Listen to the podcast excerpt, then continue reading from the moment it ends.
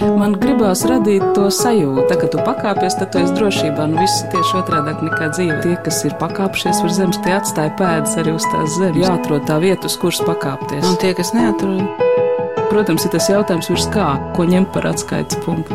augstāk par zemi. Augstāk par zemi. Augstāk par zemi. Esiet sveicināti! Jūs sveic Anna Bušvica, un šodien man padomā izstāstīt turpinājumu stāstam, ko šajā raidījumā aizsākām pirms diviem gadiem. Toreiz apgādā Madris projekta Akenstakas mūža kultūra vēsturiskā mantojuma saglabāšana ietvaros bija iznākusi Vācu baltu dzimtes, kas pārvaldīja Allažu mūžu un uzsāka pasaulē atpazīstamā Allažu ķimeļa ražošanu, viens no pēdējām atvasēm Herberta von Blankenhāgena sarakstīto memoāru pirmā daļa - Pasaules vēstures malā atmiņas par 1913. un 1923. gadu. Nesen vienā grāmatā iznākušas Herberta von Blankenhāgena atmiņu vēl divas daļas - atmiņas no vecās vidzemes, Klingenberga, Rīga 1892.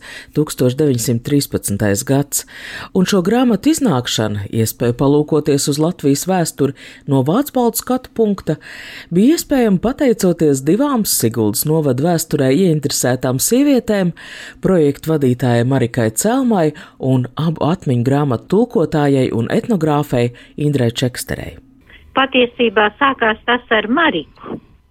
Jo Marika dzīvo Akenstakā, viņai tur ir īpašums, un viņa pati uz savu iniciatīvu veidoja tādu atpūtas vietu bijušajā Dzinnavezara vietā un atklāja tur informatīvu stendiņu par Akenstakas mūžu. Un es ar paziņu, viņa bija ieradusies tur palīdzēt svētkos, un es aizbraucu līdzi un tur ieraudzīju Blankenhāgena grāmatu. Nu, saskarsme ar Blankenhāgeniem man bija ātrāk, jo es biju pazīstama ar Drabešu muižu vairāk saistīto profesoru Pēteru von Blankenhāgenu. Ar viņu es jau biju pazīstama un arī pavadījusi viņu pa Gaujas Nacionālo parku un Drabešu mūžu ar viņa ģimeni. Es ieraudzīju šo grāmatu un vienkārši intereses pēc piegāju lasīt, jo Marika tajos svētkos it kā pārstāvēja Betsiju von Blankenhāgena, slavenā allaža ķimeļa ražotnes uh, vadītāju, un arī šī Blankenhāgena vecmāmiņu. Ieraugot šo grāmatu, vienkārši paņemot rokās, sākot lasīt, viņa bija tik ārkārtīgi interesanta un aizraujoša. Es uzrakstīju profesoram Pēteram Blankenhāgenam, nofotografēju jauno informatīvo stendu un pastāstīja par šo notikumu un šo ļoti interesanto grāmatu pasaules vēstures malā. Viņš man uzreiz šo grāmatu atsūtīja. Nu, un tad es kā saņēmu, es viņu izlasīju vienā elpas vilcienā, jo viņa stāsta par tērbatu, par studentiju. Nu, un tad uh, Inču kalnā gatavojās atklāt pieminekli Baltijas landesvēru cīnītājiem, un uh, Tad arī iztulkoju latviešu valodā to Inču kalnu kauju, kurā ir arī rakstnieks Herberts von Blankenhāgens piedalījies. Tālāk jau bija vienkārši, ja jau viens gabals bija iztulkots, sāku tulkot uz priekšu, un es vērsos pie brīvkunga Aksela von Kampenhausena, nu, ar lūgumu, vai es drīkstu viņu tulkot, jo tad jau Marika bija nonākusi tik tālu, ka varbūt, ka varētu iztulkot un varētu arī izdot. Atmiņa trešā daļa pasaules vēstures malā iepriekš Vācijā bija izdota grāmatā, līdz ar to šī grāmata bija vieglāk iegūstama, un tā nu ir sanācis, ka latviski mēs Herberta von Blankenhagen dzīvi iepazīstam chronoloģiski atžgārnā secībā. Vispirms mēs uzzinājām par dzīves periodu, kas ietvēr studijas tērbatā, un tas tiešām ir ļoti aizraujoši. Mums labi zināmo stāstu par tērbatu kā pirmo latviešu literātu, nācijas pašapziņas veidu veidotāju mācību vietu, tagad iepazīt no studentu vācu kopienai piederīgā skatu punkta.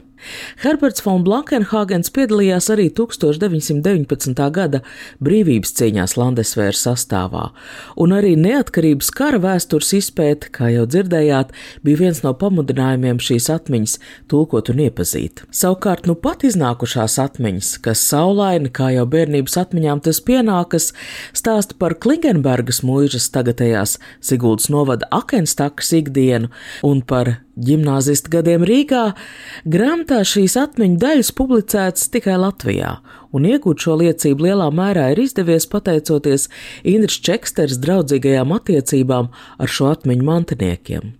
Grāmatas atmiņas no vecās vidzemes Klingenberga Rīga 1892.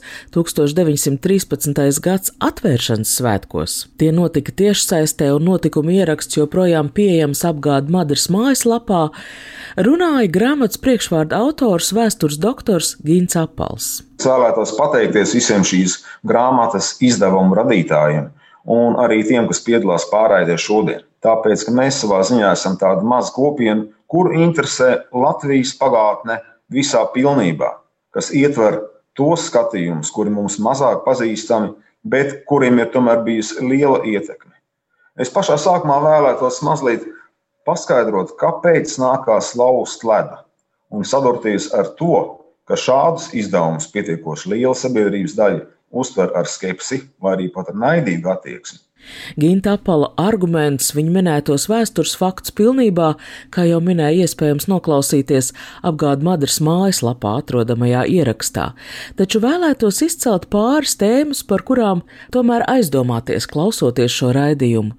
Mēs visi kaut reizi būsim dzirdējuši par 700 verdzības gadiem, ar ko tiek saistīta Vācu baltu klātbūtne Latvijas zemē, Un pirmais ir morāls dabas jautājums.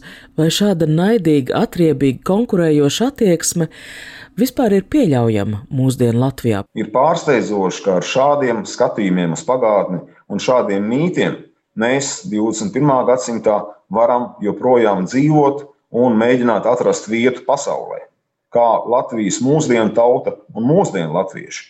Taču vēlētos paskaidrot, no kā tas viss nāk Ir jāatzīst, ka latviešu mūsdienu identitāte un uzskats par sevi lielā mērā ir atkarīgi no nācijas veidošanās 19. gadsimtā.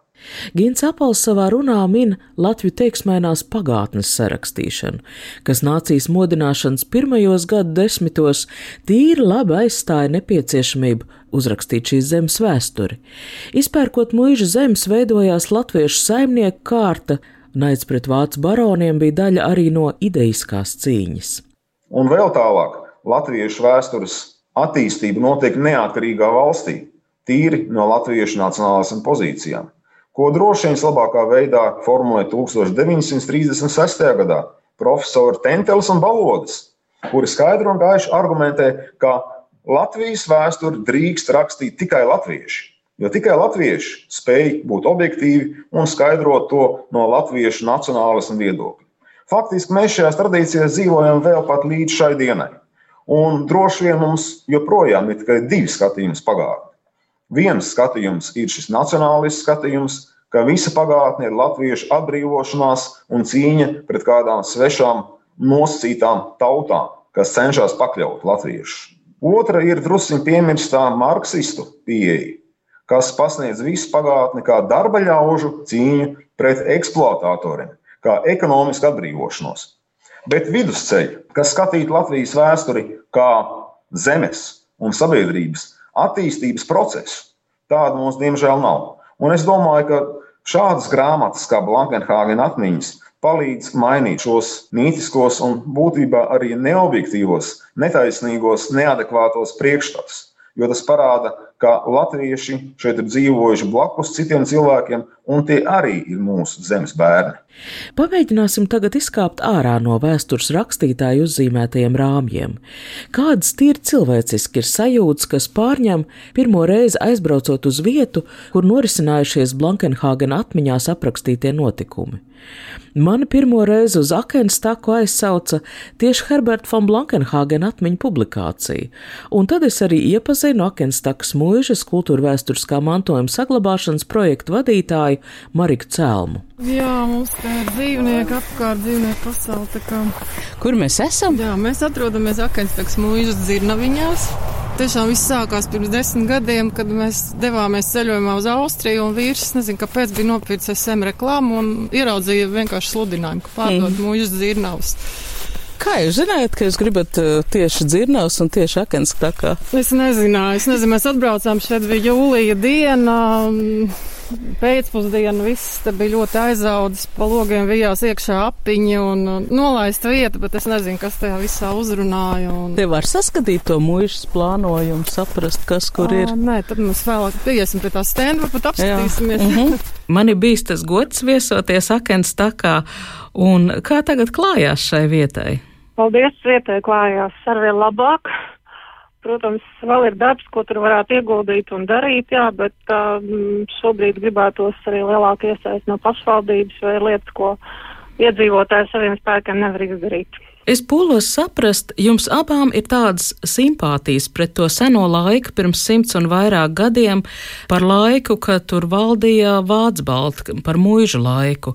Un man ir varbūt es vispirms jautāšu tad jums, ko jūs saskatāt šajā laikā? Pētot Akenstaks mūža vēsturi, um, es atradu arī, kad jau 8. un 9. gadsimtā šī vieta ir bijusi uh, diezgan plaši apdzīvot, tur dzīvoja lībieši un uh, pētot tālāk tiešām tās Zviedru ārklu revīzijas var redzēt, ka tiešām bija ļoti labi apdzīvota un, jā, nu, diemžēl. To nevar teikt par mūsdienām, jo lauki izmirst, dēļ tā, ka ir nepiemērota infrastruktūra, nav nekādas ražotnes, cilvēkiem nav kur strādāt, neskatoties uz to, ka Akens tā kā atrodas tikai 20 km no Siguldas.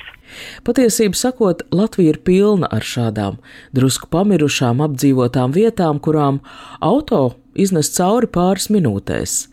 Herbert von Blankenhagen atmiņas apstādina laiku. Tajās ir pietuvinājums, iepazīstot cilvēkus, kas savulaik dzīvojuši mūžā, mīlestības pilni, detalizēti zaudētās dzimtenes ainava apraksti, mazliet skumji to apzināties, bet ne tagadējais, atjaunotās Latvijas valsts laiks, nec no padomu laikiem akenstakā palikušās pāris celtnes, pagaidām nespēja piedāvāt līdzvērtīgu iedvesmu šīs vietas vērtības apziņai. Jo tā dzīve jau bija smalka, šķirnes zirgu audzēšana, siltumnīca šķiet pa tenis kortiem bija runa. Nu jā, grāmatas autora tēvs Ernsts apprecēja Agnesi von Wolfu no Wolfu dzimtas, kas bija pieradusi pie smalkas dzīves Rīgā, un lauki viņai nebija īpaši tuvi. Ernsts nāk no Allaža nama, un kā vecākajam dēlam viņam teorētiski vajadzēja palikt Allažos un vadīt Allaža ķimeņa ražotni. Nu, mēs nezinām, kāpēc ir noticis tā, kā ir noticis, kāpēc māte jaunākajam dēlam atstāja Allaža ķimeņa ražot, Ernsts tam nopirka akenstaku. Nu, lai labotu šo netaisnību, Dzimti savā starpā vienojās, ka akens tā kā tiks ieguldīti nu, lielāka līdzekļa, viņi tiks labi iekārtot, un tāpēc tieši šajā laikā, Blankenhāgen laikā, mūžā tiek būvēt jaunas saimniecības ēkas, tā kā pilnveidotas, lai būtu arī smalkajā golfkundzei patīkam tur uzturēties. Nu, vienlaikus tas nav lēti uzturēt šādu izsmalcinātu saimniecību. Tur ir liecības, ka jāpārdod kaimiņos piepirktā mūža un tam līdzīgi. Neskatoties to, ka autora tēvs darbojās Dienvidu vidzemes lauksainiecības biedrībā, kas rīko šķirnes lopu izstādes cēsīs, un beidzot izdevās atrast kaut kādu informāciju vairāk par šīm izstādēm, ja, kurām 20. gadsimta sākumā jau vairs nav tāda piekrišana. Ja. Neskatoties uz šo visu, jā, šķiet, ka tā saimniekošana neveicās, bet es domāju, tur bija vairāki iemesli. Uh, tāpēc, ka 95. gada novembrī mūžas kungu nāms tika nodedzināts, tad mēģināja pielāgot dzīvē divus ērbēķus. Nu, acīm redzot, viņi neatbilda grāmatas autora mātes prasībām. Kā lasām atmiņās, tad mamma pārvācās uz dzīvi Rīgā, tēvs turpināja saimniekot Akenstakā nu, jā, tā ģimene tā kā bija sadalīta, kaut gan autors to tā starp rindām tā kā ietērp, jā, un varbūt tas arī veicināja kaut kādu tālāko mūžu attīstību. Un, protams, arī Pirmais pasaules karš, jo Pirmā pasaules kara laikā mūža sēks tiek nopostīts par 75%. Kas tad notiek ar Herbertu von Blankenhāgenu, kad 1939. gadā Latvija pameta ap 50 tūkstošiem vācu baltu? To noteica ne tikai Ribbentropa Molotov pakts, bet arī latviešu naidīga attieksme. Arī Herberts von Blankenhagens dodas prom šai repatriācijas vilnī, tiek nomitināts Polijā, iesaukts Vērmakta spēkos, ievainots, vēlāk strādājis kā tulks un krievu valodas skolotājs Hāgenaus ģimnāzijā. Miris 1985. gadā, un interesanti aizsapņoties, kas būtu noticis, ja viņš būtu piedzīvojis Latvijas valsts atjaunošanu, dzelzs priekškara krišanu, Piemēram, šo atmiņu pārakstītājs, autora māsas dēls Arnolds Fonhiršheits, atgriezās aizputē un savas ieinteresētības šīs vietas labklājībā dēļ tika godināts kā mecenāts, kā aizputs goda pilsonis. Herbertam von Blankenhāgenam nenoliedzami piemīt literāta talants. Atmiņās par veco vidzemi viņš raksta kā par laimes zemi, par dzimteni, šo sajūtu mēģina nodot dzimtas mantiniekiem. Ir tomēr vairākas tēmas, ko nepieciešams saprast un izskaidrot, lai varētu iejusties laikā pirms simts un vairāk gadiem. Piemēram, kas tad ir vecā vidzeme? Grāmatas atvēršanas svētkos to skaidro vēsturnieks Gīns Apals. Kāda ir šī politiskā geogrāfija 19. un 20. gadsimta mijā Baltijā? Mēs bieži pārnesam Latvijas iedzienu pagātnē, piemirstot to, ka tobrīd Latvija ir tikai ideja, un ļoti bieži tā ir neskaidra ideja. Realtātē šī teritorija sastāv no trim provincēm. Proti, ir Vidzemes province, bijusi Kurzemes un Zemgales hercogiste, tā ir Vidzemes province, celt arī par guberņu. Bet droši vien pareizāk būtu teikt Līvzemes vai Līflandes province, kas ietver gan Igaunu apdzīvoto daļu ziemeļos, gan dienvidos. Tā ir mūsu etnogrāfiskā vidzeme. Un visa šī sadarbība ar tērba, ar muižām, kas bija Igaunijas daļā, tu tā ļoti ciešā saradošanās. Igaunijas daļas iedzīvotājiem atkal tuvāk bija Pēterburgas tirgi un viņi ļoti daudz preču nogādāja uz Pēterburgu un, kā arī teicis ir pats Herberts, līdz Pirmam pasaules karam dzīve gāja uz augšu. Bija mm. šie Krievijas milzīgie tirgi, kur varēja realizēt preces, un arī, piemēram, Herberta tēvs šajās te lauksaimniecības izstādēs tika pārdoti lopi, un bija arī tādi, kas neatbilda sugas standartam. Viņus sauc pa krievu buļļiem, viņi tika pārdot uz Krieviju bez problēmām. Tā kā līdz Pirmam pasaules karam bija augšupeja Baltijā, un tas skāra ne tikai mūžas, tas skāra visus iedzīvotājus. Vēl viena tēma plašākai sarunai. Herberts von Blankenhagens savas bērnības atmiņās par Klingenbergas mūžas dzīvi apraksta laiku pirms piektā gada revolūcijas, un faktiski jau tobrīd lauka aristokrātija bija cieši saistīta ar dzīves praktisko pusi. Mūžas ir lauksaimniecības uzņēmumu un mužnieks šī uzņēmuma vadītājs. Un tas ir ļoti interesanti uzdot sev šo jautājumu. Ja Vācbalta mužniecība būtu veidojusi saiknes ar konkurējošo saimnieku kārtu, ar dzimstošo latviešu inteliģenci, vai būtu iespējama mierīga attīstība bez piektā gada sprādziena? Gins Apels savā priekšvārdā piedāvā šo laiku skatīt plašākā kontekstā, atkāpjoties vēl simts gadus senākā pagātnē. Tas, kas būtu jāpiebilst pie šīs sarunas, ir, protams, runa vairāk par 19. gadsimtu, par laiku, kas rit pirms grāmatas autora dzimšanas. Un arī tas laiks, viņš nav plakans, viņš nav viendabīgs, viņš ir ļoti dinamisks.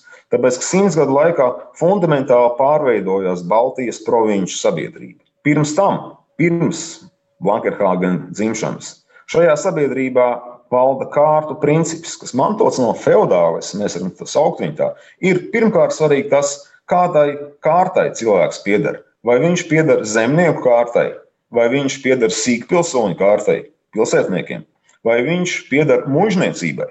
Otrkārt ir svarīga reliģija. Vai cilvēks pieder Lutheriskajai baznīcai, Romas katoļu baznīcai, vai viņš pieder pareizticīgā baznīcai, jeb varbūt viņš judejs. Un tikai pēc tam nāk jautājums par to, kāda ir viņa dzimtā valoda, no kā tiek atvasināts pieņēmums par viņa etnisko izcelsmi. Faktiski līdz 1880. gadiem neviena tautas skaitīšana Baltijas provincēs nav fiksējusi cilvēku dzimto valodu. Un tikai 1897. gadā Krievijas impērijas tautas skaitīšanā pirmo reizi arī šis jautājums tiek postulēts. Bet dati ir ļoti īpatnēji. 1880. gadu dati parāda to, ka Rīgā jau 10% cilvēku no tiem, kur uzskata sevi par latviešiem, mājās sarunājās vācu valodā. Kurzemē, piemēram, jau 2% zemnieku un saimnieku piedar pie vācu draugiem vai runā vācu valodu.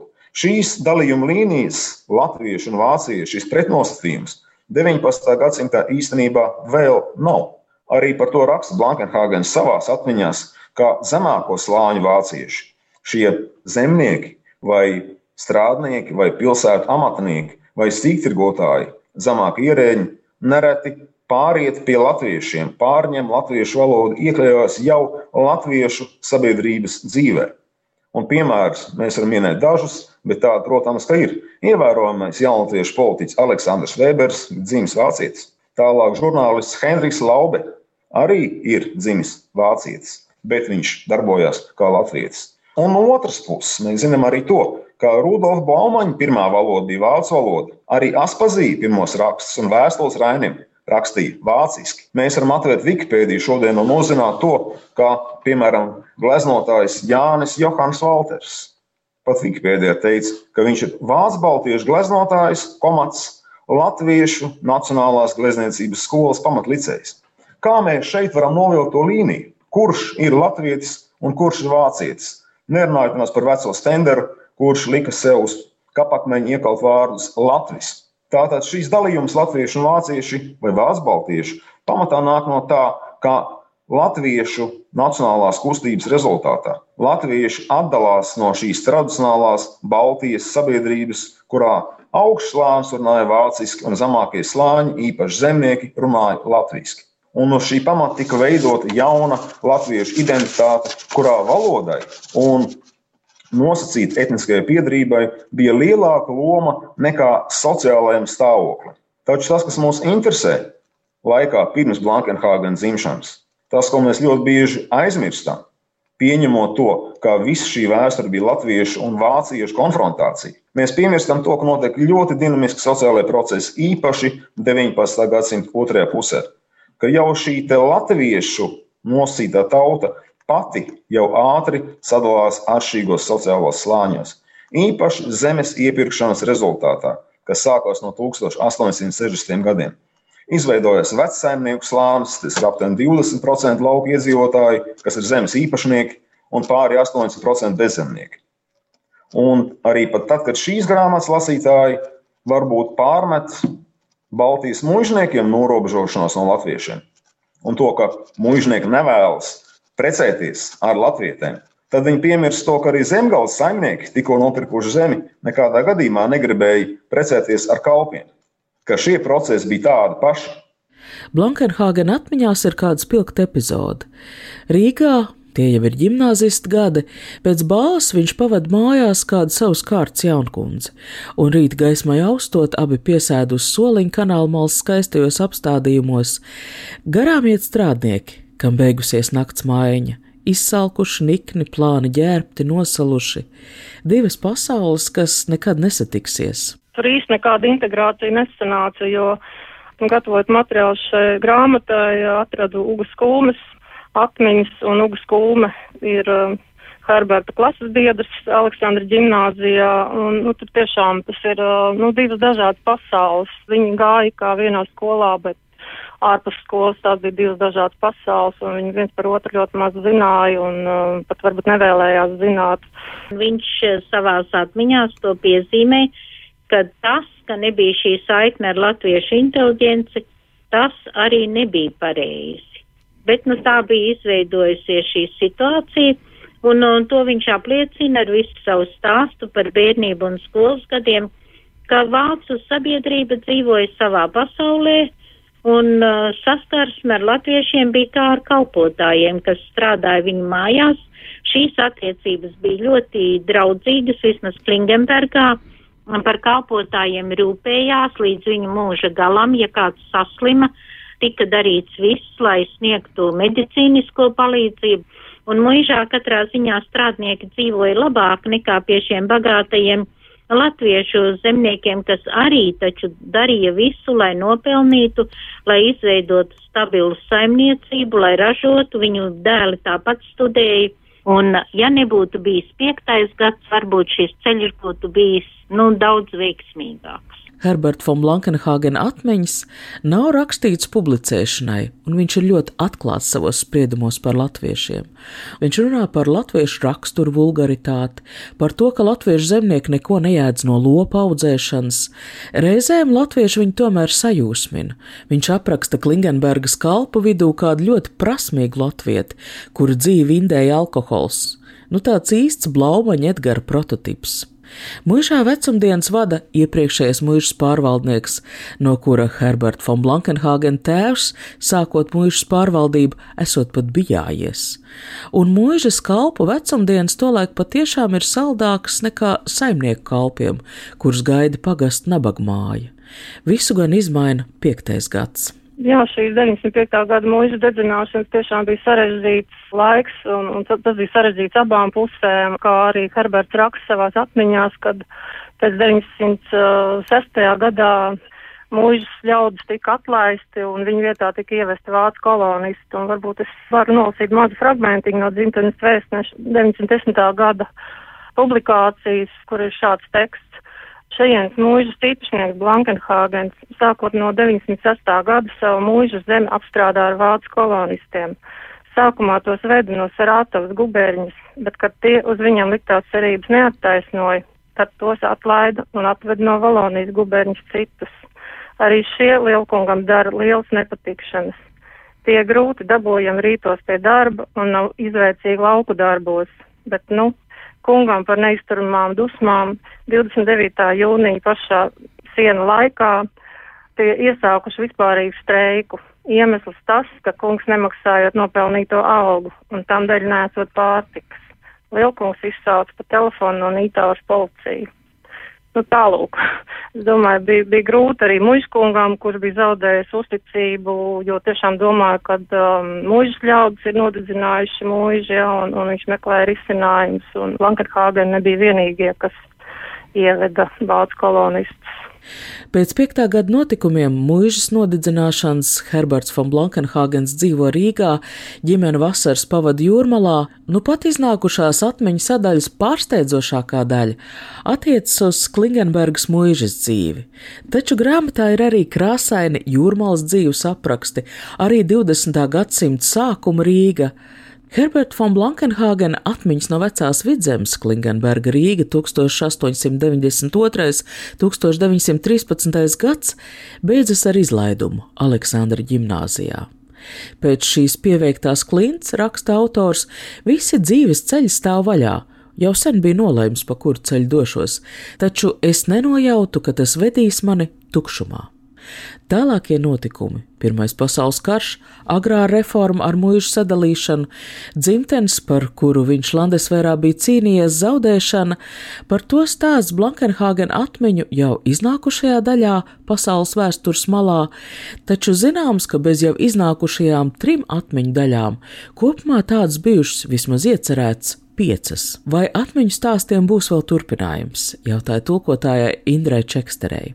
Viņš arī ievadā pats raksta, ka viņa atmiņas sastāv no piecām daļām, un mums ir pazīstamas tagad trīs. Un, diemžēl, laikam, kad arī vairāk, nu, varbūt visādi brīnumi notiek, bet nezinu, vai atradīsies tās divas pēdējās daļas, jo nav jau zināms, vai viņš viņas arī uzrakstīja. Jo atmiņas viņš rakstīja jau Vācijā dzīvodams, tātad uh, mūža otrā pusē, un viņš rakstīja, ka viņam, nu, caur visiem šiem uh, izceļošanas un bēgļu gaitām un visu viņam nav saglabājušies nekas, nu, ne viņa piezīmju grāmatiņas, nekas, un viņš var paļauties tikai uz savu atmiņu, kas pēc piedalīšanās otrā pasaules karā un ļoti smagi pārslimotā izsituma tīfa un ievainojumiem, uz kuru viņš vairs nevar īsti paļauties bet viņš saka tieši tādēļ, ka nekas nav palicis, vēl jo vairāk ir vērts atcerēties un to visu uzrakstīt. Herbert von Blankenhāgena atmiņu iznākšana vienlaikus ir arī Akenstakas vēstures izpēte. Projektu vadītāja Marika Celma pastāsta, ka izdevies atrast Klingenbergas mūžas kungu nama fotografiju, komunikāciju sociālajos tīklos, Facebook izveidots profils Akenstaka manas mājas, palīdzējuši iegūt mūžas kučieru un vešerienas Kristapsona ģimenes fotografiju. Šobrīd tiek vākt stāsti par Akenstakas dzīvi kolhoz laikos. Tuvākajā laikā ar šo informāciju tiks papildināts arī informatīvais stends, savukārt Herbert von Blankenhagen atmiņu vēstījums nopērkams apgādā madras, un tagad ir iespēja to izlasīt chronoloģiski pareizā secībā. No jums atvedās šī raidījuma veidotāji, ar jums sarunājās Anna Buševica, par šī raidījuma skaņu gādāja Valdis Raitums. Tā kā tu pakāpies, tad tu esi drošībā. Nu, viss ir tieši otrādi nekā dzīve. Tas ir tā spēle, jā. Tie, kas ir pakāpšies uz zemes, tie atstāja pēdas arī uz tās zemes. Protams, ir tas jautājums, ko ņemt par atskaites punktu. Ne, nu, principā ir skaidrs, augstāk par zemi. Jāatrod tā vieta, uz kuras pakāpties. Augstāk par zemi. Augstāk par zemi. Augstāk par zemi.